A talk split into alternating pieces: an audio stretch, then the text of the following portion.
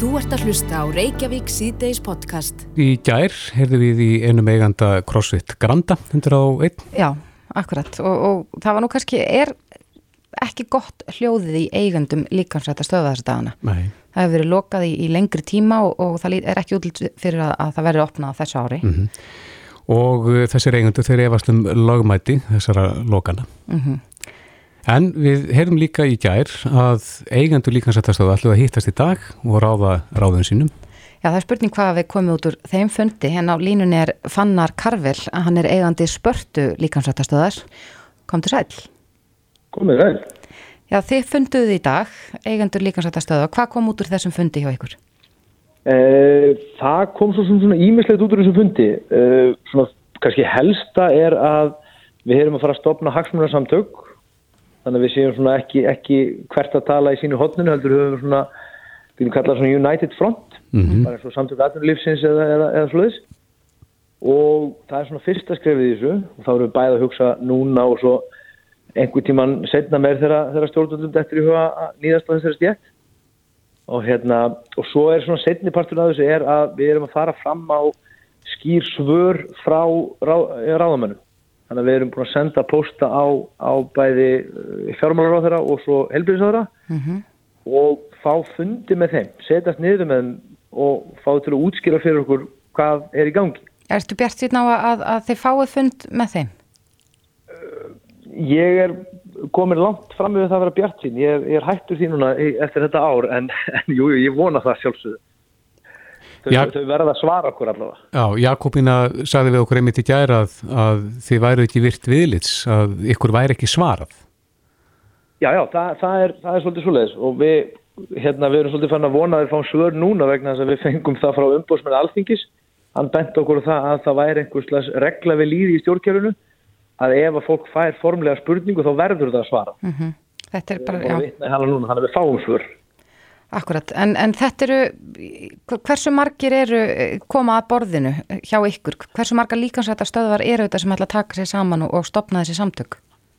Uh, við höfum alltaf fyrst og fremst að tala saman litlu stöðunar. Við erum eitthvað rúmlega 20 stöðunar eitthvað sluðis en ég veit að, að uh, stóru stöðunar eru, eru áhuga sem er allavega að vera með okkur og planið er með þessu hagsmunarsamtökum að það verður allir með, stóru sem litlir. Hafið þið kallað eftir raukstuðningi fyrir þessum lókunum? Já, já, við erum búin að kalla til honum margóft og ég er búin að vera í samskiptum við Þórólf svona af og til núna undanfarnar vikur og mánuð og, og hef ekki fengið almennileg rauk fyrir, fyrir neinu. Hann talar alltaf um, hann hafi rannsóknir og heimildir fyrir því sem hann er að gera en ég hef ekki fundið þær heimildir og, og hann hefur ekki sínt með þess. Ég hef eins og sendt honum fullt af rannsóknum sína fram á gagstaðar. Sko. Þorlu Guðnarsson var í brennslunni á FM 957 í morgun og þar saðan meðal annars að, að það sé hægt að rekja einhver smitt inn í líkansrættastöður með óvíkjandi hætti og ekki, þá var hann ekki bara að tala um þetta nefalegafélag sem að flestir vita af.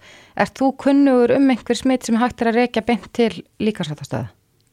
Sko, við erum auðvitað að ræða þetta mikið undir fæðan daga. Hann talar um að, þessi smitt sem hafa komið í klasasmitt og alls konar hópsmitt í, líkansrættum og meina, við erum það rúmlega 20 og við erum búin að vera í sambandi við í World Class og við erum búin að sambandi við Þröst í sporthúsinu, Ágústjúr Heifingu og eftir því sem við komumst næst erum að tala um kannski 5-6 smitt í öllum þessum stöðum. Þannig að annarkvort eru þau að leina okkur upplýsingum eða þau eru bara ekki til og þau eru bara að ljúa. Akkurat. En, en þið eru að fara að stíga næstu skref og stopna, stopna já, þessi samtök. Hafið þið Já. komið ykkur í samband við lögfræðinga til þess að kanna hvort að, að þið eigið eitthvað inni fyrir málsöðun? Já, já, við erum búin að, það eru bæði, ég sá að, að WordPress byrti á heimarsíðinu sinni lögfræði álut áðan sem var sendt á, á helbriðsáðara núna uh, held ég fyrir helgina og við erum búin að fara hérna í spörtu og, og fá álut frá okkar lögfræðingum og fleiri stöðvar og það er raun staða núna er svo að lögfræðingar okkar bara býða eftir því að við gefum góða málsöðu. Já, ef það er búið að vera lokað ansi lengi, svona, uh, ef það er saman tekið yfir árið og nú horfir í réttum fimm vikna lokun til viðbótar, hvað, Við erum hvað, búin að loka í hálft ár. já, hvað endist þið lengi viðbót? Við endust ekki mikið lengur, ekki við litlu stöðunar. Nei, Alls ekki. Menna, ég bjóst svo sem ekkit við því að við myndum opna fyrir í janúar ef ég var alveg hreinskili en það sem að stuðar mig og okkur svo mikið er að, að þú mátt allir fara með 80 manns í leikhús og, og þú mátt vera á veitingastöðum og þú mátt fara í sund með 2-3-400 manns. En við meðum ekki opna fyrir 10 manns skráður er í tíma og með grímur og, og fjallaðamörk og allt. Mm -hmm, Þannig að þið, þið bendu á að það sé ósamræmi í þessu Í það er bæði ósamræmi og mismunum og þetta svona lítur svolítið út þannig að þeir sem er að reyna að stuðla að líðhelsu á landinu hvort sem er litlar að stóra stöðar við erum bara svona vestasort við erum bara svona auka auka afurð og eigum ekkit tilveru rétt Nei. og það er svona fyrir, fyrir, ok, fyrir okkur lítur þetta svolítið þannig út að við erum bara líðhelsa á Íslandi er bara, bara mjög lít metin. Bara svona ómerkilegu hluti Já, tel, teljið þið að líkamsrætt sé ekki sett á sama stall og annað þegar kemur að líðhelsu? Neinin, ég heldur sem langt, langt, langt frá öllu. Ég heldur sem algjörst auka það, það segir sitt að hjá þeim, hjá þeim löndum í heiminu þar sem offita er minnst þar eru líkamsrættstöður opnar. Þar sem offita er mest, þar er þeim lokað. Þetta sýnir svolítið hvað, hvað líðhelsa og bara helsa almennings er lítilsmetin á Íslandi eða til á íslensku stjórnkjöru Já, en eh, næstu, allra næstu skrif Ég sko, við erum búin að láta, láta yfirvöld vita því að ef við fáum ekki, ekki hérna rauk fyrir lókununum og fund með þeim þá þurfum við bara að fara að leita réttar okkar við getum ekki tangið endalust Nei. Það hafa verið sögursögnar því að einhverja líkansrættastöður einhver af þeim minni ætli nú bara að opna þrátt fyrir uh, að þessi reglugjör segi til um annað hefur þú eitthvað heyrt af því og, og munið þið taka þátt í slíku af, af því verður? Í, í alveg öruglega tökum við þátt í því á ég er búin að heyra alveg, alveg af því. Ég er meiri sér búin að heyra af einhverjum þjálfurum og stöðum sem ætla að vera með opnar æfingar á Östuvelli og, og Smáralindili og svona hér og þar. Mm -hmm. svona pínlítið, pínlítið svona uppröytt svolítið. Aktivismi en, en, Já, svolítið aktivismi sko, lögfræðingar okkar hafa sagt okkur að besta leiðin í þessu sé að opna og bóða lauruglun á svæðið og láta þeir loka og fara svo í, í sagamál Akkurat. Já. Fannar Karvel, eigandi spörtu kæra þætti fyrir spjallið Takk svo leið Þú ert að hlusta á Reykjavík C-Days podcast. Reykjavík C-Days heldur áfram. Við herrum hérna rétt á hann í honum Fannari Karvel sem er eigandi spörtu líkansættastöðarinnar og, og eh, eins og hann sagði þá eru þau svona íhuga sín næstu skref. Mm -hmm. En eh, það var að berast fyrir stöttu síðan frétt hérna á vísi.is þar sem kemur fram að það uh, sett að rekja sjösunum fleiri smitt í líkamsættastöðum en sundlegum. Mm -hmm. Og hvað eru það mörg? tilfelli? 36 bein COVID-19 smitt til líkasættastöða samkvæmt smittrækningateimi almannavarna. En svo spurning hvort það þurfa að horfa á það í ljósi sko hversu margar heimsóknir þetta eru. Það er að segja hvort að það segir kannski líka ákveðna sögu en Þórólu Gunnarsson sóttvarnarleiknir er á línu, kom til sæl. Já, sælverði. E, hvaðan koma þessar tölu þar að segja þetta frá smittrækningateiminu sem að... Já, þetta er það sem smittrækningateimið hefur fundið. Við þurfum náttúrulega alltaf að taka svona tölur með ákveðinu fyrir vara þetta þetta er ekki þetta er ekki eins og það sé hægt bara að, að, að mæla þetta nákvæmlega en, en samt er, hefur smittrækningateimið verið ansi duglegt að rekja smittin og, og finna sameiginlega fletið sameiginlega staði þar sem fólk hefur smittast og þetta er niðurstaðan. Mm -hmm. Uh, Maðurinn sem við töluðum við hérna áðan eigandi líkarsættastöðar hann, hann benti á það að þegar að hóptímar voru lefðir núna fyrr í haust að þá var alls ekki í lagi að opna búningsklefa en, en nú sund, verða sundlegaðnar opnar og búningsklefaðnir sömu leiðis. Um, telur þú að, að, að svona misræmi geti já, svona grafið undar málstanum? Já, sko mengið, þetta er náttúrulega verið eftir sömrað hefur alltaf komið upp í hver skipti sem að þeir slakað á eða hert á og, og, og það er eitthvað misræmi að þá er náttúrulega erum enn að máta sig og, og hérna veða óanæðu sömur hverjir og ég skil það bara fullkonlega þetta, en ef við skoðum bara að því að við erum að tala hérna um sundlegar og við erum að tala um líkansrættastöðar þá eru þetta tölurna sem við höfum hér úr úr hérna smitrakningunni. Ef við tölum, kíkjum bara á hvað er að gerast í öðru löndum og hvað segja þessi alþjóðlegu stofnanir eins og sótarnastofnun Evrópu og alþjóða heilbríðismálastofnun og fleiri samtök. Þar er allstaða líkansrættastöðum er flokkað í hæsta áhættuflokk og, og sundstöðum töluvert neðar, klórin í sundin til dæmis drefur um eiruna og, og, og svo framvegist þannig að þetta er ekki eins og þetta er bara við sem erum að flokka þetta svona. Þetta er gert bara á flestum öðrum stöðum sem við sjáum og, hérna þannig að ég held að menn veru nú aðeins að, að líta á það líka. Þetta er ekki bara við sem veru svona leiðilegir Nei, en uh, hvað með þessar rannsóknir sem hef, hefur verið haldið á lofti hérna, einn norsk rannsókn sem að sýnir að það séu hverfandi líkur á smittum á þessum stöðum, önnur sam-evrósk 14 lönd þar undir 62 miljónir heimsókna. Ertu búin að kynna þér eitthvað þessar rannsóknir? Ég er búin að kynna mér, ég er búin að kynna mér uh, fullt af rannsóknum og, og tilmælum sem að, sem að uh, sko alltjóðastofnarnir eru með og, og það er nýðurstaðan er, er þessi og, og það, það passar við það sem við sjáum hér mm -hmm. þannig, að, uh, þannig að þetta er bara staðan eins og hún er En uh, þessi 36 tilfelli, þetta eru vantilega 36 einstaklinga þá sem að sem að hafa vantala verið þá á ferðinni, fara á fleiri staði heldur en líkansætt, á líkansættastöðar e, svona miða við fjölda heimsókn á þessar stöðvar e, og fjölda ytkenda, er þetta háar tölur?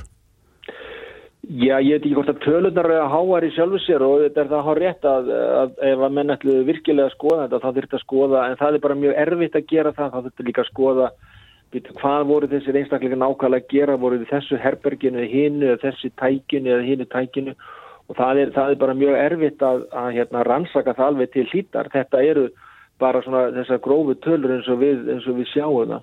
Mm -hmm. Þessi reglugjær sem að tekur gildi á morgun, hún gildir til 12. januar næstkomandi að minnstakosti. Lagðir þú til við, við ráþæra að, að reglugjærin skildi já, gilda svona lengi? Ég laði til að hún myndi gilda yfir, uh, yfir áramótin, já, ég gerði það en það kemur fram mér í reglugjörðinni að það sé líka alveg möguleik að breyta uh, þessum tilmælum uh, annarkort að herða eða leta ef að staðan verður þannig þannig að mm -hmm. það er, það er opið fyrir það það er ekki formlega verður hún ekki endur skoðu fyrir en, fyrir en þarna eftir áramótin En Þóruður, getur þú útskilt hvers vegna þessi í þetta skipti gildur hún svo lengi? Þetta eru örlítið fleiri vikur en við erum kannski vöna að sjá í þessum minnisblöðum og, og reglugerum? Jú, ja, sko, þetta er náttúrulega líka bara til að koma, koma til móts við ímsar kröfur um það um fyrir sjáanleika, það sé ekki alltaf verið að breyta og nú er, að fara í hönd þessi jólatími þar sem að er uh, bara mjög erfitt að, að, að, hérna, að vera að breyta mikið þessum tilugum, bæði jól og áramót.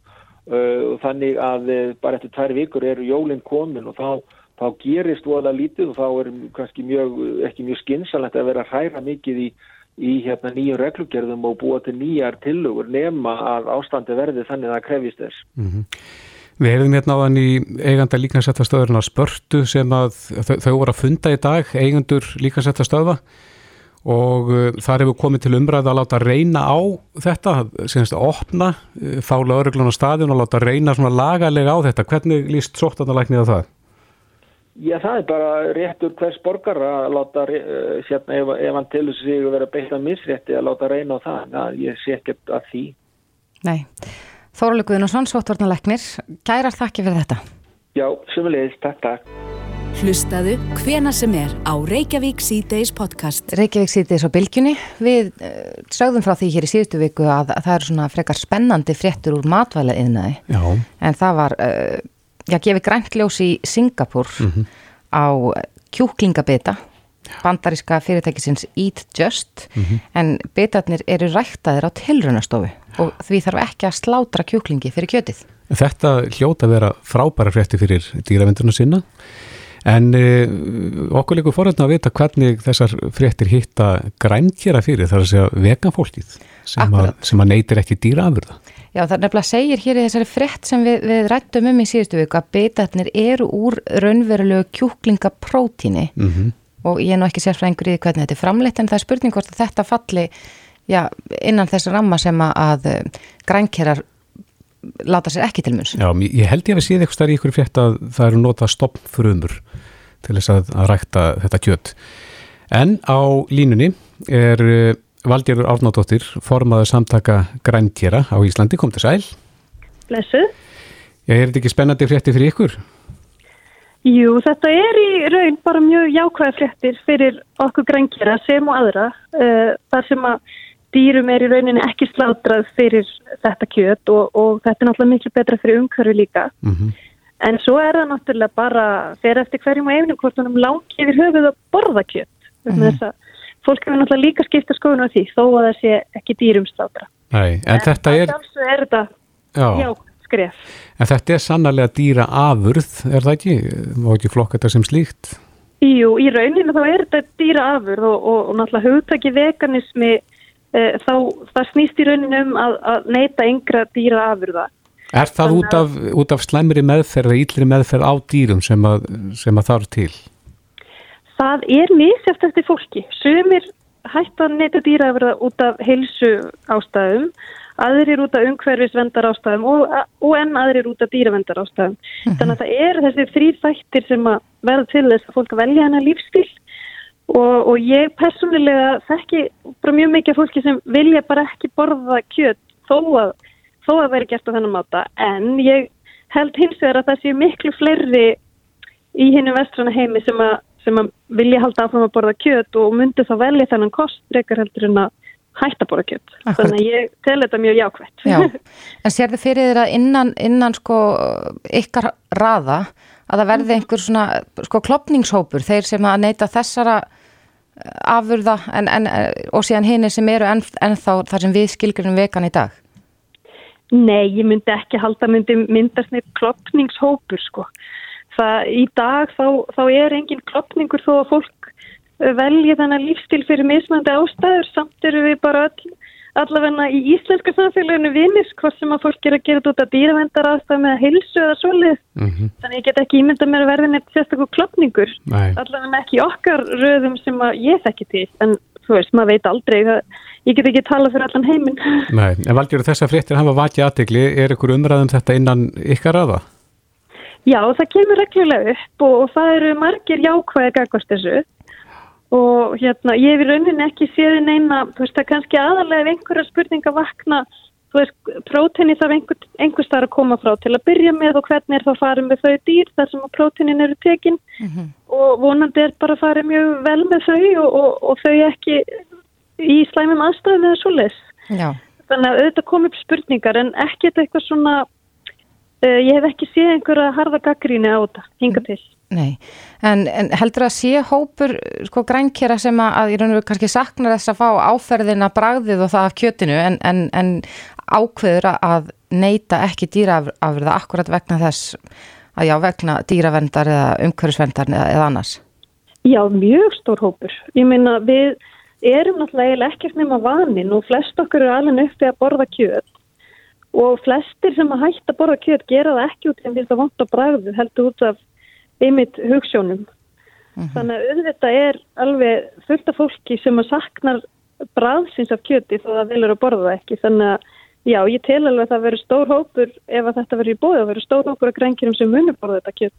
Já, hvað eru grænkira margir á Íslandi? Sko, hópurinn okkar á Facebook telur næstu 24.000 manns. Er hann alltaf að stækka? Hann er alltaf að stækka. Það er alveg, hann er alveg í gífurlegum vexti. Já. Þannig að maður sér að það er, og það er náttúrulega ekki allir uh, grænkjara sem er í hóknum, en, en flestir eru þó að borða mik mikið, miklu leiti grænkjara fæði, þó að það sé ekki alveg orðin 100%. Mm -hmm, þannig að þeir ekki að gera þá kröfu að fólk sé alveg að fari gjörsamlega eftir lagana bókstaf, nei, nei, heldur svona reyni að sneiða hjá. Það er í hópin bara að hafa áhuga á sem lífstíl og það eru mjög margir einmitt veitingahúsa eigendur og kokkar sem eru bara að, að kynna sér Eh, uppskriftir og alls konar og, og hérna það er allir velkomnur í hópin sem að bara hafa áhuga, áhuga málefninu. Mm -hmm.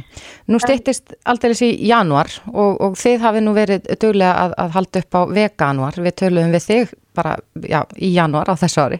Já, einmitt. Er, er þið spennt fyrir þeim mánuði? Mér finnst þess að það sé alltaf að aukast uh, já, fjöldin af þeim sem að taka þátt. Já, þetta er alltaf að stækka hópurinn sem þau þátt í veganuar og, og við erum eins og áður bara mjög spennt fyrir veganuar í ár svo hann verði e, auðvitað með öðruvísi sniði. Ég efast um að við getum haldið viðburði eins og við höfum gert hérna í raunheimum þannig að það verður aðalega svona í, í, á, á netinu viðburðinir og, og fræðslan En hérna, við teljum samt að það munir mjög margir taka þátt og kannski sérstaklega út af ástandinu sem við skapa. Fólk er kannski meðvitaðra um ástandið í heiminum og, og, hérna, og, og vil taka lífstilsbreytingar til svona betra og heilsusamlega líf sem hefur minni áhrif á umhverfið. Já, einn kannski spurning í lókinu valgerður, ef ég væri nú með svona rækta tjúklingabita fyrir þið, myndur þú smakka? Nei, ég hérna myndi ekki smakka. Nei. Ég er búin að vera grænmetisæta í tugir ára og, og, og grænkeri núna í næstu sex ár. Og hérna, og ég sakna ekki kjöts og mér líður miklu betur án þess. Já. og langar ekkert í það. En ég samt ekki mjög marga sem myndi smakka þó að séu grængerar Já, Valgerur Árnáðóttir formaður samtaka grængera. Takk fyrir spjallið. Já, takk sem er leiðis Reykjavík síðdeis á bylginni Það fer ekki að milli mála að uh, grímunótkun setur svip á mannlífið þó að hilli undir lok COVID þar sem að í auksín er líf og annað slíkt en, en maður er jáfnveg fann að sjá sko grímur sem að eru í stíl við jakkaföld eða stíl við íþróttaföld og, og það eru öll liðin sem að er á ferðalagi sko að þau eru bara mert sínu liði á vöngum í grímunni og, og ég veit að, að Haldur Einarsson, Hensson sjálfur eh, hefur ekki farið varhlut af þessu. Nei, nei, þetta hérna er líka búið að vera mikið fjáröflung á þessum mm. og þessar grímur sem við erum að framlega það er hérna þar brentað sem merki inn í efnið og, og með geta valið um liti og, og, og þetta eru þryggjalaga grímur og getna, það er alveg ljóst á viðtökum að þetta verður einst afskaplega vel mm. og verið mjög gaman verið gaman að, að, að, getna, að standi þessu mm. við höfum allt til þess mm. Já, svona mitt í, í öllum leiriðdónum. Já, við, sko það er, þessi, þetta er nú vonandi bara að, að, að komast á beinubröðina. Ég fulla trú á því. Ég, mér, mér lífið mjög vel yfir því að brettanir skulle vera að byrja að bólusetta. Mm. En uh, grímu framleiðendur í heiminum, þar fara fremstir? Vá, það eru kýmverjar eins og í flestuði. Það er massa framleiðslan, sko en það er, þessar, það er ekki síst þessar einnóta, þessar bláu sko. mm. Mm. og hérna og allt gott um það að segja, það eru, mm. eru þægilegar og, og hérna standað sér vel en þessar það, það, það eru þetta mikið pappir og mikið, mikið tegja sem fellur til mm. þannig að, að þessar grímur sem við erum að gera eru þetta uh, svona ungverfisvætni mm. því að það, þú svær það bara hundra sinnum og ekkert vesinn ég saði hérna á hann að, að, að maður sér þetta sko úr hvaða liði fólkið er sko sem er með já, buksur skilt á grímu sem, sem svona e, auðkenni og, og, og það, það er bara passar vel við mynstrið á jakkavættarum Já, já, það er mjög gaman. Því fyrstu grímuna sem við gerðum voru fyrir þrótt og þar voru röndóttar náttúrulega. Mm. og síðan e, nýlega gerðum við fyrir, fyrir skáksambandi og þá voru það bara þá var það bara taltborðið og, og merkið sambandsins. Þannig að það er, það er fjölbreytni í þessu sko. Haldur, takk fyrir þetta það, tímandi fara að breytast aftur. Já, til eins betra. Þetta er Reykjavík C-Days podcast. Reykjavík C-Days heldur áfram. Það er verið að eh, breyta fæðingar Orlofs lögunum og, og nú hafa íslenskir fæðinga og kvennsjútumalæknar sendt umsögn til alþingis út af þessari endurskoðun. Mm -hmm. og það sem þau leggja til er að, að, að þau telja að konur ættu að hafa rétt á að fara í orlof eftir 36 vikna meðgöngu. En eins og við vitum þá er meðgönga 40 vikur í flestum tilfellum. En, og þetta á að vera án þessa að fæðingar orlof þeirra skerðist. Já. Að, og ég held að það sé algengt að, að konur hætti að vinna, nú kannski ekki endilega hefbundi að konur vinni alveg fram á síðasta dag. Er þá klipið af uh, fæðingur orlofun eða er þetta bara veikindadaga sem að tikka þá inn? Eða? Ég held að þetta sé veikindaleifi sem oftast tikkar inn, ég er nú ekki alveg klar á því en Nei. það er spurning hvort við spurjum ekki bara sérfrængin. Á línunni er uh, Alexander Kás Márasson, fæðingalæknir og fráfarandi formaður félags fæðinga og kvennsjúkdómalækna. Kom til sæl. Komið sæl, komið sæl. Hvernig er þetta núna? Getur aðeins útskipt fyrir okkur stöðuna eins og hún er í dag? Hvað gerist þegar kona vill hætta að vinna eftir 36 vikur? Sko, eh, það getur verið margar ástæði fyrir en, en en, en meðganga sem slík er gríðilegt álag á konu, ég held að flesta konu getur sammála um það og, og, og það er mjög algengt að það er leiti til helbriðstarfsmanna um e, leiðir svo geta hægt að vinna því það er svo léttir verið láðum að það geta hægt að vinna mm -hmm. Og, e, og það er, já, það er, það er við að tala um veikindi réttin þar. Það er við að tala um veikindi bótt og ég tala um ljósmóður á þann að e, það er ótrúlega stór hluti uh, það sem, sem fá vottur svo þurfi ekki að vinna eins lengi eins og já, já það bara getur ekki unni lengur. Nei. og þú erum ekki að tala um alvarlega hluti eins og við kannski ég fæðingalegni er frekar að pást við í alvarlegri sjúkdóma í áhættumæðravend þannig við erum ekki að skrifa mikið sem vottur það er mikið skrifað í heilsugjæslinni það mest álægi er þar út af þessum votturum og það er það út af hvað sé einkennum sem að eh, við getum sagt að eru eðlilegu enkenni af þessu álægi sem að konan er undir eh, síðustu vikunar. Þegar við erum að tala um þessa veikinda daga sem að þá, þá byrja að tikka ef að kona þarf að fara í frí eða hægt að vinna á meðgöngu, hvað hefur kona rétt á mörgum slíkum dögum? Nú ert ekki að spyrja rétt að sérfræðingin. Nei. Ég, ég, þetta kann ég bara ekki. Nei, og, það er allur gangur á því, hugsa ég.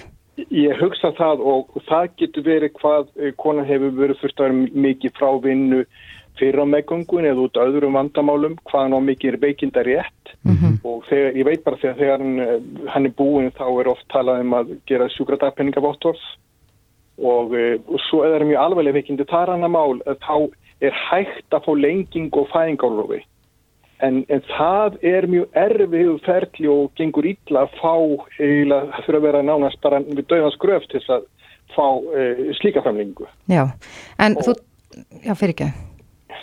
Ég, ég, ég greið fram fyrir þér. Ég ætla að spyrja sko um, þú talar um áðan að þetta sé ágætis hópur af konum sem að, sem að einhverjum ástæðum þarf að hætta að vinna Ertu með einhvers konar tölur um það eða, eða gerur þér grein fyrir sko hversu átt hlutfall barnsagandi hvenna þurfa hætta að vinna á, á þessum tímapunkti? Ég, eh, sko ég hef ekki, heilsugjæslan veit þetta betur en ég Mm -hmm. en og, það álæði meira þar en eins og ég talaði ljósmóður í dag sem ég vinn með, hún sagði við listan og sér það væri ótrúlega margar mjög margar sem að e, fengi votur svo að, gæti, að það geti það get ekki haldið á því að vinna og þess vegna er að sko við hefur álega okkar fængalegna og ljósmæri líka lengi það sé bara geta ætlaðist til þess að konur séu að, að vinna lengur en 36 vikur. Við höfum bara lítið á það frekar að sem bara hefni og, og besta mál ef þær geta unni lengur. En ekki að setja ætlast til þess að vinna lengur 36 vikur. En þá er spurningi hvernig þú að gera það? Er þetta á að vera hluta samningum e, eða á að vera hluta fængálofun? Og við skrifum núna en að vegna þess að við töldum hann að væri tækifærið að koma sinni. Munið það er ekki alla konur sem þyrtu eiginlega fjóra vikur eins og sæðir á henn, það er meðtalið 40 vikur, það getur suma sem er bara nokkra dagar svo er aðra sem verður upp í 6 vikur að fara fram með þess.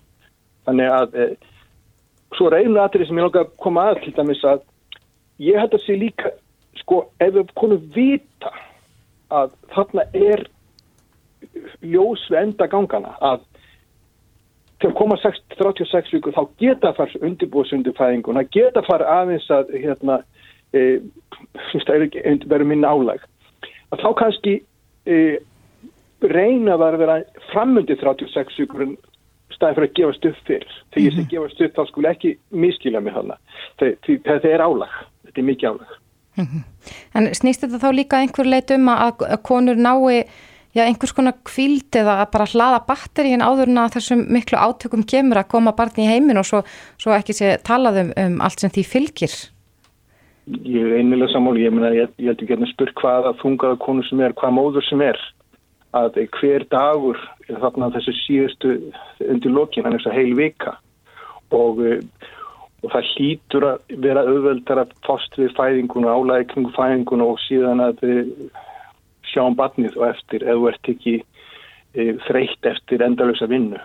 Já. Nú ta tala mikið um með, með fjölskyldu, mm -hmm. kannski yngri börn að hérna, gefur auga leið mm -hmm. að, það væri mikið mik og í öðru löndum gæti að er þetta bara talið sjálfsagt eins og ég aflaði með uppsninga um það Nóri og Danmörku það ætlast, er ekki alltaf að kona heim vinnið til 36 vikur og í Breitlandi sem ég var nú lengi sérnámi og kom heim fyrir 20 árum ég bara trúði ekki að það verið ætlis að konum var einu með þess að þar sem að sumir segja standi ekki mjög framalega varandi fæðingálu. Mm -hmm. Það dætti einhvern til hugar að hjúgrunafræðingum myndi vinna fram með 36 vikur.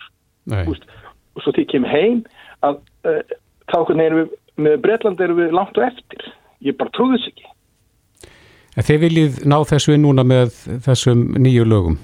Við skulum, við skulum orða þannig að við, við höldum að það sé gott hækifæri við sendum inn til eh, félagsmáröðinsins þegar varum við að semja eh, frumvartu og það komst ekki áfram þar þannig við sendum inn þetta áfram eh, til velferðarnemdar ákveða tó sendir og ljósmaður styðja svo sannlega við þetta efni líka mm -hmm. og, og hérna í þeirri von að þetta verið tekið greina og þetta sé áliti gott tækifæri til þess að koma þessu máli áfram. Já. Rétt aðeins í, í lokin, eh, er eitthvað munur, að því að þú ert ná að hitta þungaðar konur uh, daglega í þínu starfi, er eitthvað munur núna á þessum COVID-tímum, varandi fjölda uh, þungana og annars líkt? E, það er allan fyrir okkur hefur norðan, við hefum vonað tónungumörgum fæðingu núna í kringum uh, jól og áramót. Já, það hefur verið talað um að þetta séu fyrstu COVID-börnin að fæðast núna? Já, ég held, ef, ef ég maður rétt, 24. desember, eh, ef vort vonaður þá, þá hefur barni mm, orðið til, eða svona frjókun hefur orðið kringum 3. apríl, mun það ekki passa til. Jó, þannig að það er fjórða bildjan að koma þar. Öllu gleðilegri heldur en þessum. Akkurat. Þetta er gleðileg COVID-bildja. Uh, kæra þakki fyrir þetta, við skulum vona að, að þetta ná í eirum þeirra sem að, sem að stjórna. Já, Alexander... Takk fyrir og takk fyrir að gefa mig tækifæri til að segja frá þessu kjartasmáli okkar fæðingalækna og ljósmaðra. Það var lítið. Alexander K. Smárasson, fæðingalæknir og fráfarandi formaður félags fæðinga og kvennsjúkdómalækna. Kæra þakki fyrir þetta. Reykjavík síðdeis á Bilginni podcast. Jæja, e, í dag þá hittum við fyrir hann Ómar Úlf, við nokkar hérna af X-inu, X977. En hann var að finna og, og grafa upp indislega útgáfu. Þetta er endar eina upptakan sem að eh, Viljámi Viljánsson söng þetta lag. Akkurat. Og þannig er þetta lag tilengað móður ástinni. Já, þetta er sko, ég, ég veit ekki hvort að ég sé eitthvað óvenni viðkvam í dag en, en þegar ég heyrði þetta mm -hmm. að ég fekk gæsa húð Já. og svo byrjaði ég eiginlega að tárast vegna þess að tekstin er svo lýsandi fyrir sko það sem mæður og, og einnigfeður en, mm -hmm. en, en þetta er auðvitað móður ástina Já. gera fyrir börnin sín. Já, akkurat. Og Viljámi Viljámsson er náttúrulega eh, að mínum að því besti söngari í landsins frá upp, upphafi, æðislegur, þetta er svo árenslu löst hjá honum. En uh, textan við þetta lag sem við ætlum að heyra hér á eftir uh, samti Ómar Ragnarsson sem er á línunni, kom til Sæl Ómar. Blessaði sjálfur. Já, við þökkum honum uh, Ómari nafnaðinum Úlfi fyrir að hafa grafið þetta lag upp og, og lift okkur að heyra. En En, og þetta er eina upptakan sem að, sem að Viljánmi söng þetta í sal Ríkisjónarsins. Hver, hver er tilur lagsins? Ég gerði þessu marga texta fyrir Viljám og Elli Lindaur líka og Þurriði Sigurðardóttur sem ekki má gleyma því að langt þessi textanir sem e, þau syngja sem duett eh, Elli og Villi að þá er það þurrið sem syngur að fyrst því að þau voru tvö í þjónsveit Vagnarssar Ingimarssonar mm -hmm. og það var tók óskaplega gefand að gera texta fyrir þessi tvö og síðan fyrir Elli Leinari líka og þau sískinni þegar þær blötu komu. Þannig að á þessum árum svona 1967 vorum við á hérasmótum sjálfstæðismann um allt land við villi og aftur 68 þannig að við búum tvo ringi í kringu landið og það voru svo margi texta sem voru gerðir og villi síndi sko til þau í allar áttir eins og ég man alltaf eftir texta sem hann leik svo vel sem gett bónorðið mm -hmm. og eh, hann, ég, það eru lög sem eru svipu það er þetta og eh, síðast í valsin sem Engibert Hankberting söng Já. og heiti síðast í valsin mér það var ætti að vera til uppdaka með til þeim texta líka en þetta voru þessi textar og þeim textar sem að líka eftir langa æfi þeir eru skipta hundruðum og ég var sem ekki, ekki orður sumum. Nei, þetta var árið 1973 sem hann söng þetta lag í sjónvarsþættinum Kvöldstund á Ríkisúttorpinu. Um, þessi texti eins og ég saði hérna náðan, hann bara vekur upp tilfinningar hjá manni að hversu lýsandi þetta er fyrir móður ástina. Varstu, varstu lengi að, snara þessu lægi yfir á íslensku en þetta er, þetta byggt á, eða þess að lægið er lægið Silence is Golden? Tremolós söng þetta lag og þótti með ólíkindu hvað þið fóru hátt Villi fór reyndar hæra en hann kunni ekki við að fara upp í þann topp sem að söng gott á kvöldin eh, á skemmtunum vegna þess að hann gætt komist eh, þremur heiltófum fyrir já. og Vilkjamur Viljánsson er við kynst sem hef, hafði mest rattsvít. Það var hens vegar aldrei ætlast til þess að færa neitt niður. En hann vilst alveg geta að fara jafn á niður þessu upp. Ekki hvað myndir átt undir þessi hundra öll hafði. Já, og hann gerði þetta svo áreynslu löst líka. Hann hafði ekkert fyrir þessu þó var svo gaman á hugmyndunum. Eins og til dæmis er að játt að semja mesta þúfnapex sem sami hefur verið á Íslandi. En þú, þúfnapex voru svona textar lindin, lækurinn, litli, kofin minn og eitthvað svona. Já, það voru svona landslagstestar og gerði ég gringingar svo hóm það var gringingar svo hóm kargaði að þúfnapex og þú ert að dasta hans út að nómar, hvað, hvað segir þú? Gringingar svo hóm að það kargaði náttúrulega að þúfnapex Mm svo sem ég samtidig samti textan heimkoma en í staði fyrir að þetta væri grín eins og við lögum upp við þetta með þetta við villi sko saman. Ég, að, að þá hérna var þetta einhverjum vinsæðasta sjúkrarúma texta landsins í, í óskalega þætti sjúklinga. Já, já, það er að því að í miðjum tíð þá vaknar hann upp og við með blassi sjúkrastofa. Já, en eh, aðeins áður við heyrum þetta lag þar sem að þú ert að syngja um uh, móður sem að uh, situr hjá sjúku barni sínu uh, hvernig, hvernig kom þessi texti til? Það er að segja, hvað var- fór í gegnum hugaðin þegar þú samtir þennan texta? sko, það var nú fyrst bara þetta einfalda að þetta byrja lagi eins sæl á hérna þessu þreymur stöðum sæl silence í skóldin og sæl nú þú sefur en eh, ég var náttúrulega fjölskyldumæður og kynntist þessi móður eira og er enn að kynast því Já, móður eira þér alltaf opið. það er bara þannig að það, heyr, það heyrir hluti sem engin annan heyrir Já, akkurat. og síðan áttu áttu náttúrulega mörg börn en þarna er þetta nokkuð einlega stúrkubarn svo að þetta er bara tilefnið er þetta að, að upplifa það að hafa sofið alveg heila nótt og, og vakna fyrir það að móðuninn hefur greinilega verið á ferðni meir og minna allan vegna þess að móður er að svaði Ómar, við skulum vekja upp smá, smá gæsa úð aftur. Eh, Ég fekk í þeim að gæs... Það sem má ég verða að klára þetta Já, þetta kom aftur síðan í textanum um íslensku konuna já, Með landnemum sildunum svarrandi haf, hún sefaði harma, hún vaktir hún svaf. já, einmitt. Þannig að þú hefur svolítið verið að heiðra íslensku konuna með textunniðinum. Já, sko, sá sem kynnist þetta í slíkri, hann getur bara ekki annað. Nei, akkurat. Ómar, við skulum heyra lægið sem að Viljámi Viljámsson söng í þessum þætti, Kvöldstund í Ríkisjónvarpinu árið 1973 og þetta er vist eina uppdagan sem er til og ég held að við hvetjum bara Ríkisjónvarpi til þess að, að taka þessu upptökur hreinsana til og, og setja hana bara á Spotify, eða gefa hann í þeimist út. Kæra þætti fyrir þetta, Ómar.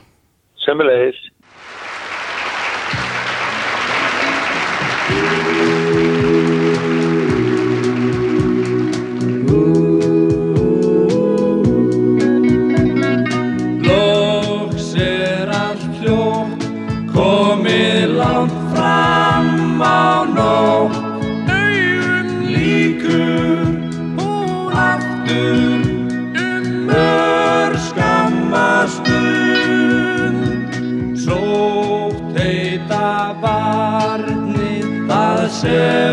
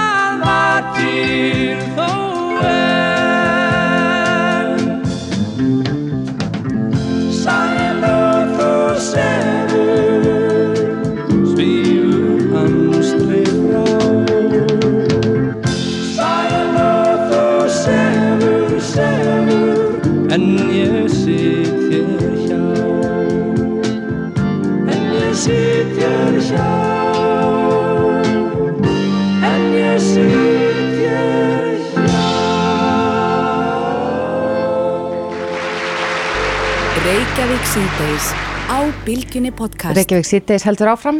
Nú er komið að því að eh, slökk, eða brunavarðafélag Reykjavíkur Mhm. er farið að selja dagatöl sem hafa verið hansi vinsæl, vinsæl síðustu ár. Já, ég held þú ætlar að segja að það er komið að þessu árlega. Þetta er á hverju ári Já, já. að þeir selja auðvitað uh, þessi dagatöl.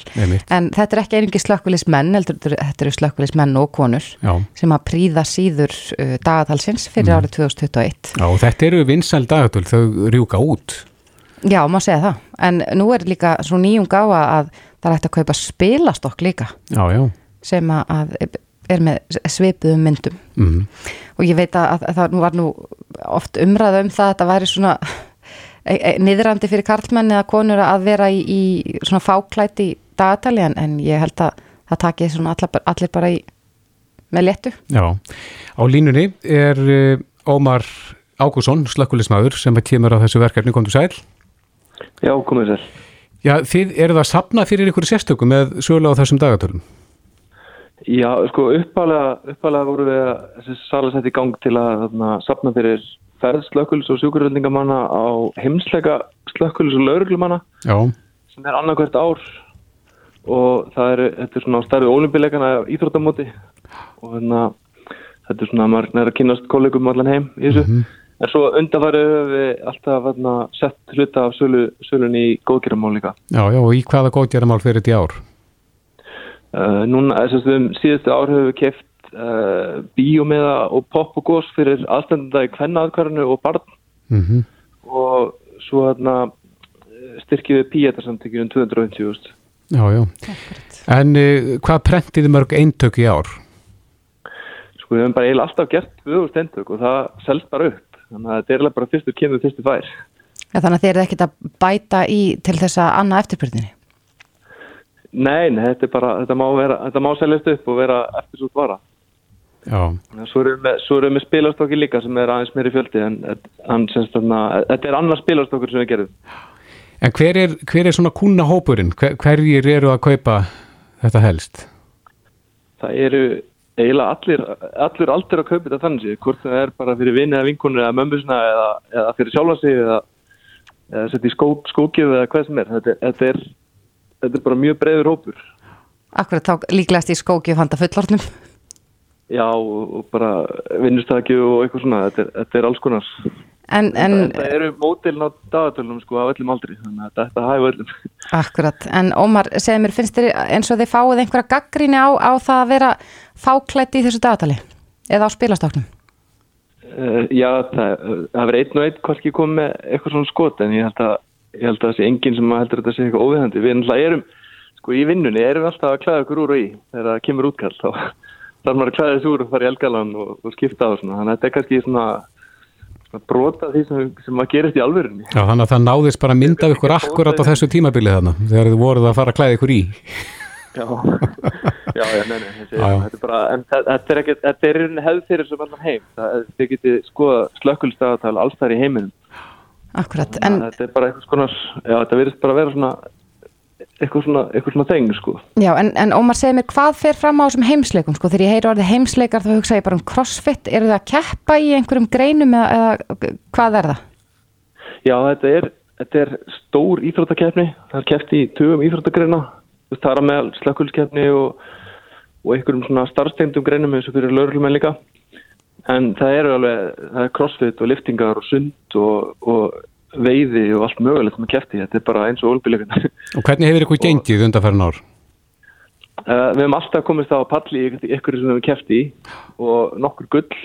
Á tíðanbili var þarna körfuboltaleið sem að vann nokkur ár. Mhm. og svo hefur við verið með hokkilið og svo hefur við keft í bara öllum mögulegum kemminskrinum, kraftliftingum yfirleitt ykkur sem hann er gullið þar. Já, en þið hefði verið ómar eh, að selja þetta í hérna verslunarmiðstöðunum, hvernig verður eh, sölunni hátta núna? Já, við erum eiginlega búin að endurskipulegja eins og flestir með þetta. Uh, við höfum verið um netverslun áður, núna leggjum við bara meiri áherslu hana en í kringlunni á smáralind höfum við alltaf verið með sölupás þar sem að brunarfélagi hefur verið að selja eldarnabúna, slökkutæki, reikskinjara, slökku, eða eldarnateppi og, og les líka. Þannig að við færðum það bara líka, líka í netversluna og ætlum með þess að bjóða bara ókipis heimkesslu og höfuborgarsvæðinu. Meira. Þannig að það er, að þú getur fengið bara slökkulismann með slökkutæki og dagatal heimtíðin núna. Akkurat, en, en inn á hvaða síðu nálgast maður þetta? Uh, sko lénið er heimsleikar.com Mm og þið getur líka fundið okkur á Facebook undir bara dagatal slökkulisins og, hana, og svo eru við líka með sölustanda í Hagköp, tveimur búðum núna og ætlum að, ætlum að reyna að setja alla búðunar á höfuborgarsvæðinu. Já. Það það er í kringlun og smáralinn núna. Já, við hvetjum alla til þess að fara inn á heimsleikar.com og versla sér dagatal eða spilast okkur eða jafnvel bæði. Ómar Ágúrsson, akkurat, Ómar Ágúrsson, slökkulismæður, kæra þakki fyrir þetta. Já, takk sem leiðis. Takk hella. Reykjavík síðdeis á Bilginni podcast.